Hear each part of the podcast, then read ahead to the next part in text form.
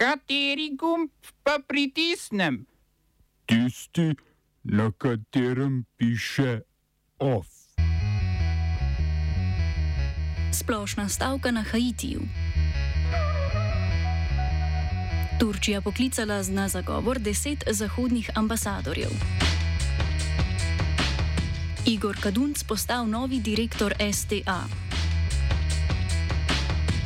Programski svet RTV Slovenija se je seznanil z osnutkom programskega načrta za leto 2022.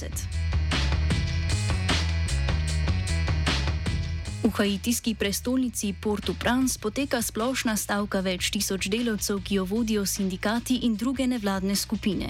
Stavka je povzročila zaprtje podjetij, šol in vladnih uradov ter izpad javnega prevoza. Splo sprožila jo je ugrabitev 17 kanadskih in ameriških misionarjev, saj, tako eden izmed vodij stranke, ugrabitev američanov dokazuje, da ni v tej državi nihče varen. Število ugrabitev se je še povečalo od julija letos, torej od atentata na sedaj bivšega premijeja Žovinela Moazija. V devetih mesecih tega leta je bilo tako ugrabitev že enkrat več kot v enakem obdobju lani. Poleg porasta ugrabitev Haiti tarejo tudi politična negotovost po atentatu na Moazija in politične posledice avgustovskega močnega potresa.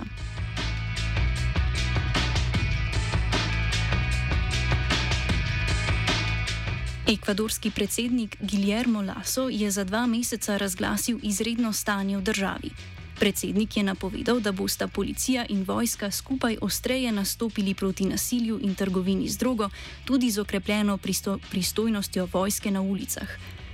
Poleg tega zahteva še pravno varstvo policistov, ki bi bili obtoženi v, ča obtoženi v času boja proti kriminalu. Predsednikovo odločitev je sprožila smrt 11-letnega fantka, ki se je znašel sredi strelskega obračuna med policijo in roparjem. Še predtem je Laso izredno stanje razglasil v zaporih, ki so postali bojišča za tisoče zapornikov, povezanih z zelo vplivnimi mehiškimi karteli. Leta 2021 je tako umrlo že skoraj 200 zapornikov.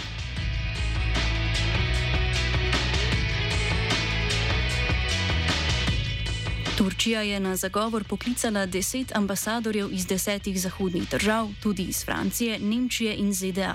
Ankara s tem protestira proti pozivu teh držav k izpustitvi Osmana Kavala, ki je zaprt zaradi sodelovanja v protestih v parku Gezi leta 2013. Kavala, dedič tobačnega podjetja, je že več desetletij viden financer različnih nevladnih in kulturnih organizacij. Obtožnica ga bremeni poskusa prevrata, ki naj bi ga organiziral s pomočjo Džordža Soroša. Po štirih letih pripora Kavala še vedno ni pravnomočno obsojen, saj je bila njegova obtožnica, potem ko je više sodišče zavrnilo sodbe na prvi stopni, dopolnjena z novimi obtožbami o sodelovanju pri poskusu državnega udara leta 2016. Pred dvema letoma je njegovo izpustitev iz pripora zahtevalo tudi Evropsko sodišče za človekove pravice.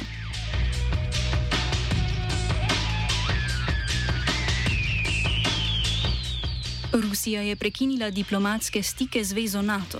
Moskva bo odpoklicala svoje diplomate z sedeža NATO v Bruslu in preklicala diplomatske vize predstavnikov Severnoatlantskega vojaškega zavezništva v Rusiji. Povod za to potezo je izgon osmih članov ruskega predstavništva pri NATO v Bruslu, ki jih v zvezi obtožujejo vohunjenja. Ugotovitev, da poskušajo ruski diplomati Kremelj obveščati o dogajanju v NATO, verjetno ni bilo veliko odkritje kontraobveščevalnih služb. Verjetnejši razlog je spor o odgovornosti za eksplozijo v skladišču orožja na Češkem. Za njo naj bi bile odgovorne ruske obveščevalne službe, več dokazov pa kaže, da je bilo v skladišču shranjeno orožje namenjeno za ukrajinsko vojsko, ki se na vzhodu države bojuje proti separatistom.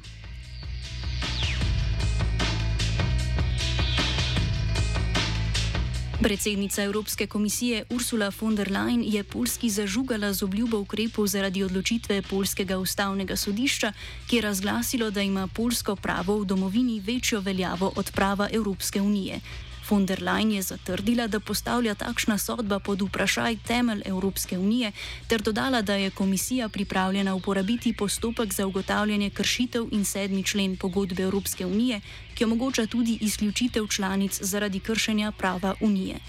Tudi skupaj s polskim predstavnikom Mateušem Moravskijem sta se zauzela za dialog in obstanek Polske v Evropski uniji. Moravjecki je podprl stališče vrhovnega sodniča, sodišča, da ima državno pravo pri notranjih zadevah, torej tistih, ki jih Poljska ni prenesla na Evropsko unijo, prednost pred evropskim, kar je močno zaostrilo že leta trajajoč spopad med Varšavo in Brusljem na področju pravosodja.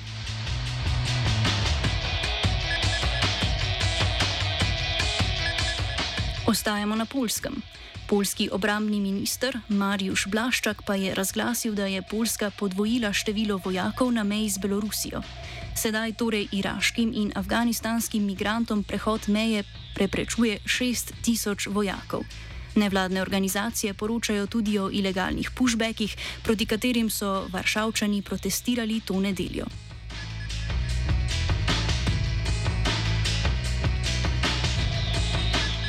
Drugem krogu županskih volitev v Trstu je z dobrimi 51 odstotki glasov slavil dosedani župan Roberto Di Piazza.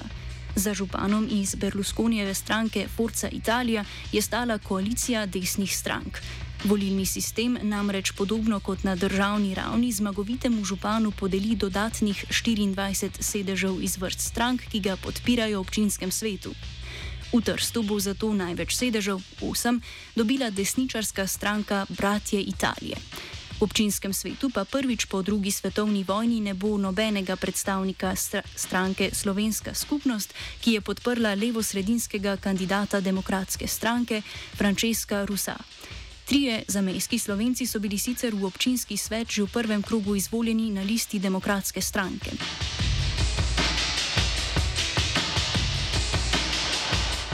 Drugod po Italiji so sicer večinoma slavili kandidati levih in levosredinskih strank. V Rimu je tako slavil Roberto Gualtieri, minister v vladi nekdanjega levo usmerjenega premijeja Romana Prodija. Drugi krok lokalnih volitev je še potrdil zaton gibanja petih zvest, ki je na zadnjih parlamentarnih volitvah osvojilo prvo mesto, a je na lokalni ravni skoraj povsem izginilo z severa države, kjer je sicer začelo svojo politično pot. Oba, če bom odgovoril na angliški. Slovenija bo poskušala pomagati. Slovenija bo naredila naš utmost, da bo rekla, da je situacija naš problem. In bomo naredili nadaljnje korake, as soon as the conditions are. Bomo vlado Marjana Cererera Šarca podprli. Very, very serious. From Slovenija. We know how and we will. Nadzorni svet slovenske tiskovne agencije je na seji za novega direktorja STA imenoval Igorja Kadunca. Mandat bo pričel 1. januarja prihodnje leto.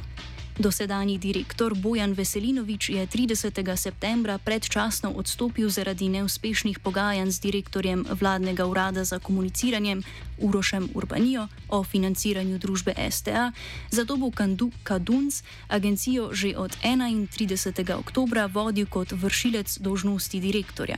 Odločitev je bila sprejeta z večino, Kadunc pa je bil tudi edini prijavljeni kandidat.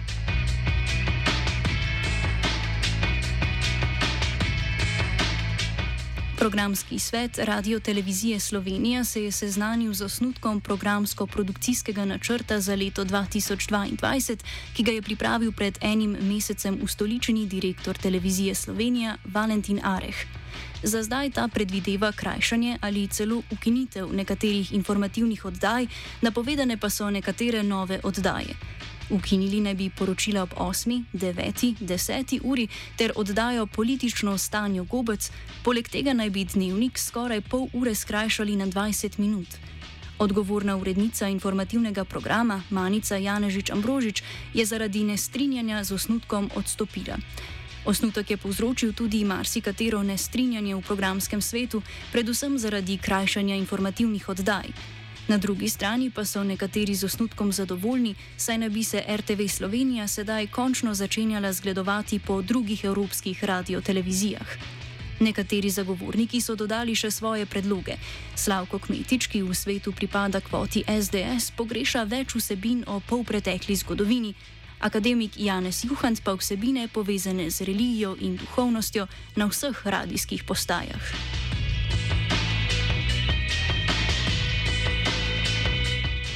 Kandidat za ustavnega sodnika Rok Svetlič se je s pismom obrnil na predsednika republike Boruta Pahorja, ki ga je za ustavnega sodnika tudi predlagal in zavrnil navedbe svojim sovražnim, svojim sovražnim stališču do migrantov.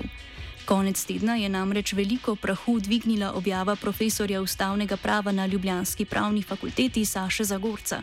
Na Twitterju je opozoril na Svetličeve besede ob lanskem posvetu o zakonu o tujcih in migracijah na notranjem ministrstvu, na katerem je kandidat izjavil: Zato mora država, če ne želi ostati postmodernistično mehkužna, za zaščito svoje simbolne vloge gospodarja v skrajnem primeru tudi streljati na migrante ob nezakonitem prečkanju državne meje. Svetlič, ogorčen nad Zagorčevimi besedami, je očitke zanikal, čež da je trdil ravno nasprotno in da bi morali za vsako ceno najti pravno rešitev, ki bo kar se da zmanjšala možnost eskalacije nasilja na meji. V uradu predsednika republike pa pravijo, da takih informacij o Svetličevih izjavah nimajo.